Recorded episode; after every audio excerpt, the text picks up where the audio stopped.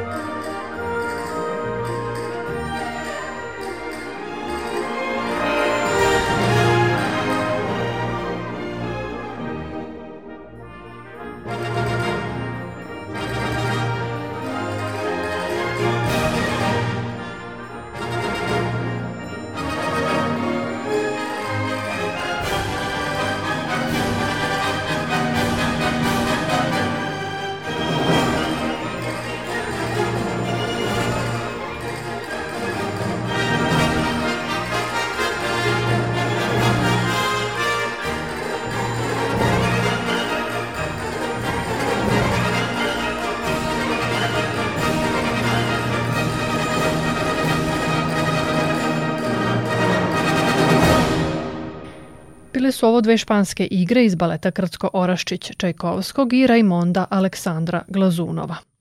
U muzičkom salonu predstavljamo najlepše primere dela inspirisanih Španijom, nadovezujući se na prethodnu emisiju kada smo uživali u kompozicijama Boquerinija, Sensansa, Debisija Bizea i Strausa.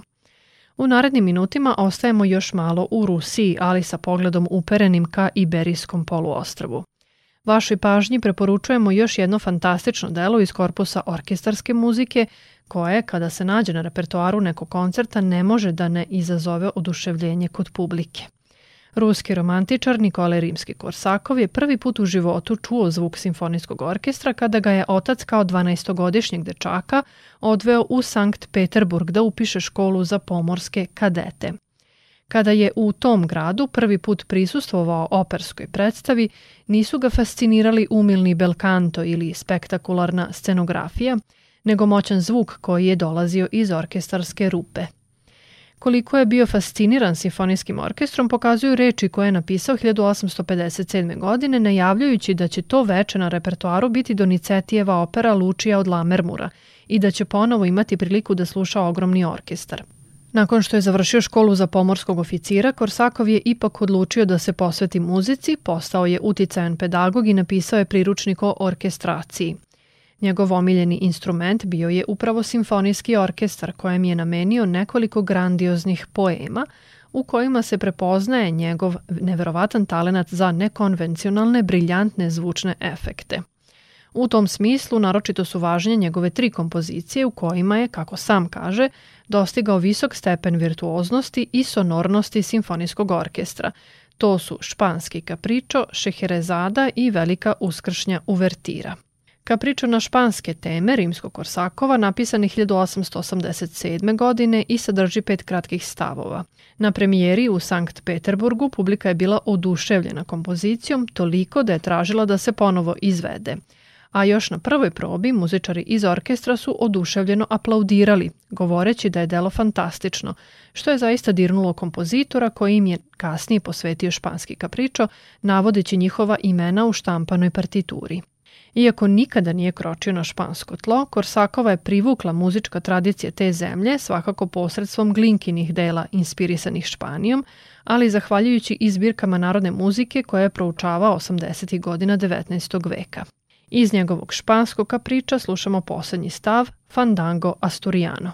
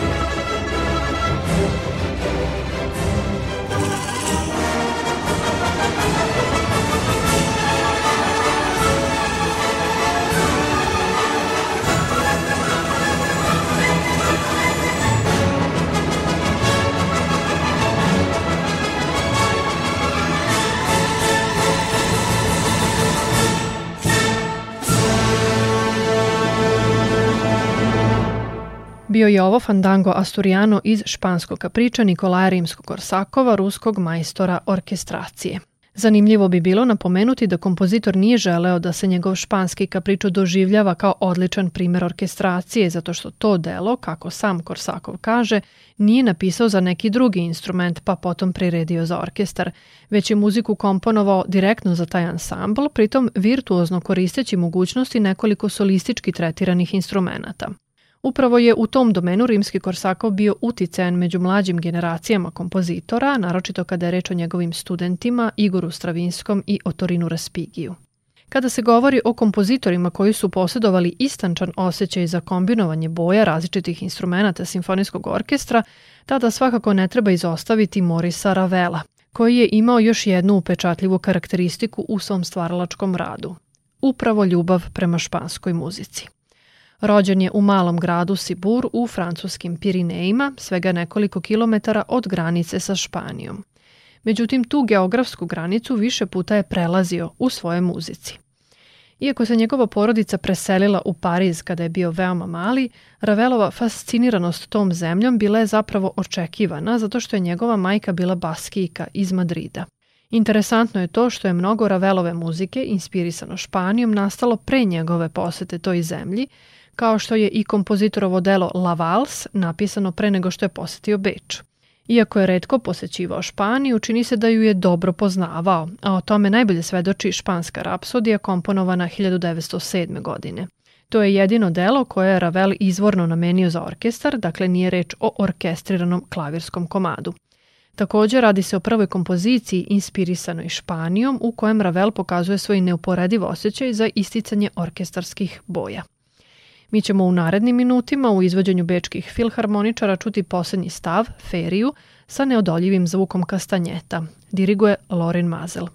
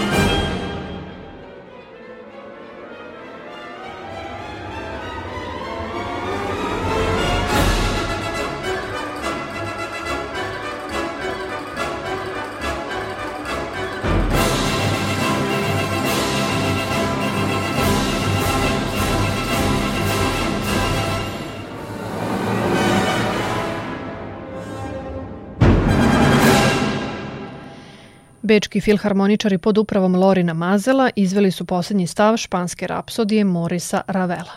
U muzičkom salonu biramo najlepša ostvarenja inspirisana španskom muzičkom tradicijom iz opusa romantičarskih i impresionističkih kompozitora. Ostaćemo do kraja našeg večerašnjeg druženja uz francusku umetničku muziku koja je u najvećoj meri iznedrila kompozicije sa španskom tematikom – Jedna od njih potiče iz opusa romantičara Emanuela Šabrijea, koji se tokom činovničkog rada u državnoj službi samo u slobodno vreme posvećivao komponovanju, ne posjedujući pritom akademsko obrazovanje. Naime, njegova porodica nije odobravala ideju da se posveti muzičkoj karijeri, iako je pokazivao talenat za komponovanje. Bez obzira na to što nije završio muzičku akademiju, Šabrije je snažno uticao na svoje sledbenike, utirujući put francuskom modernizmu. Bio je blizak prijatelj Eduara Manea i prikupljao je impresionistička dela dok još nisu bila prihvaćena u francuskim umetničkim krugovima. Od jula do decembra 1882. godine Chabrier je sa suprugom bio na proputovanju po Španiji. Posetio je San Sebastian, Sevilju, Burgos, Toledo, Granadu, Malagu, Cadiz, Kordobu, Valenciju, Saragosu i Barcelonu. U pismima koja je pisao za vreme putovanja saznaje se o njegovom interesovanju za muziku i ples krajeva u kojima je boravio. U jednom od tih pisama, upućenom prijatelju Eduaru Muleu, kolegi muzičaru, koji je takođe bio zainteresovan za muzičku tradiciju Španije, Šabrije piše o karakteristikama tamošnje muzike, navodeći čak i primere koje je zabeležio – Nešto kasnije, 25. oktobra, Chabrier piše svom prijatelju Charlesu Lamourou da će, kada se vrati u Pariz, napisati jednu veličanstvenu fantaziju koja će kod publike izazvati ogromno uzbuđenje. Tako je i bilo. Chabrier je najpre napisao komad za klavirski duo, a potom ga orkestrirao. Na tome je radio od januara do avgusta 1883. a delo je nosilo naziv Hota, da bi u oktobru te godine postalo Španija – Premijerno je izvedena 4. novembra u Parizu pod dirigentskom palicom Šarla Lamoroa. Toliko se dopala publici da je izvedena još jednom, a i kritika se povoljno izrazila, što je gotovo preko noći donelo veliku popularnost kompozitoru. Upravo je ovo ostvarenje pokrenulo trend u francuskoj umetničkoj muzici koji se odnosio na pisanje dela inspirisanih Španijom, pa tako nastaju Debisijeva Iberija i Ravelova španska rapsodija. U nadi da vam se i ovoga puta dopao izbor u skladu sa temom koju smo postavili kao ideju vodelju za današnje druženje u emisiji Muzički salon, pozivamo vas da nas slušate i naredne sedmice u isto vreme i na istom mestu. Do tada, svako dobro i do slušanja.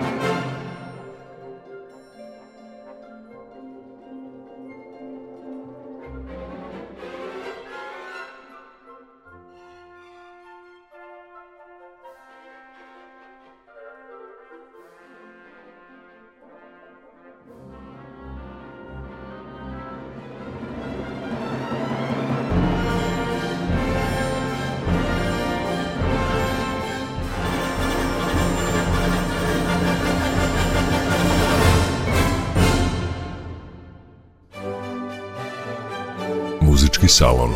Mesto susreta sa umetničkom muzikom. Muzički salon. Priče o klasičnoj muzici. Muzički salon.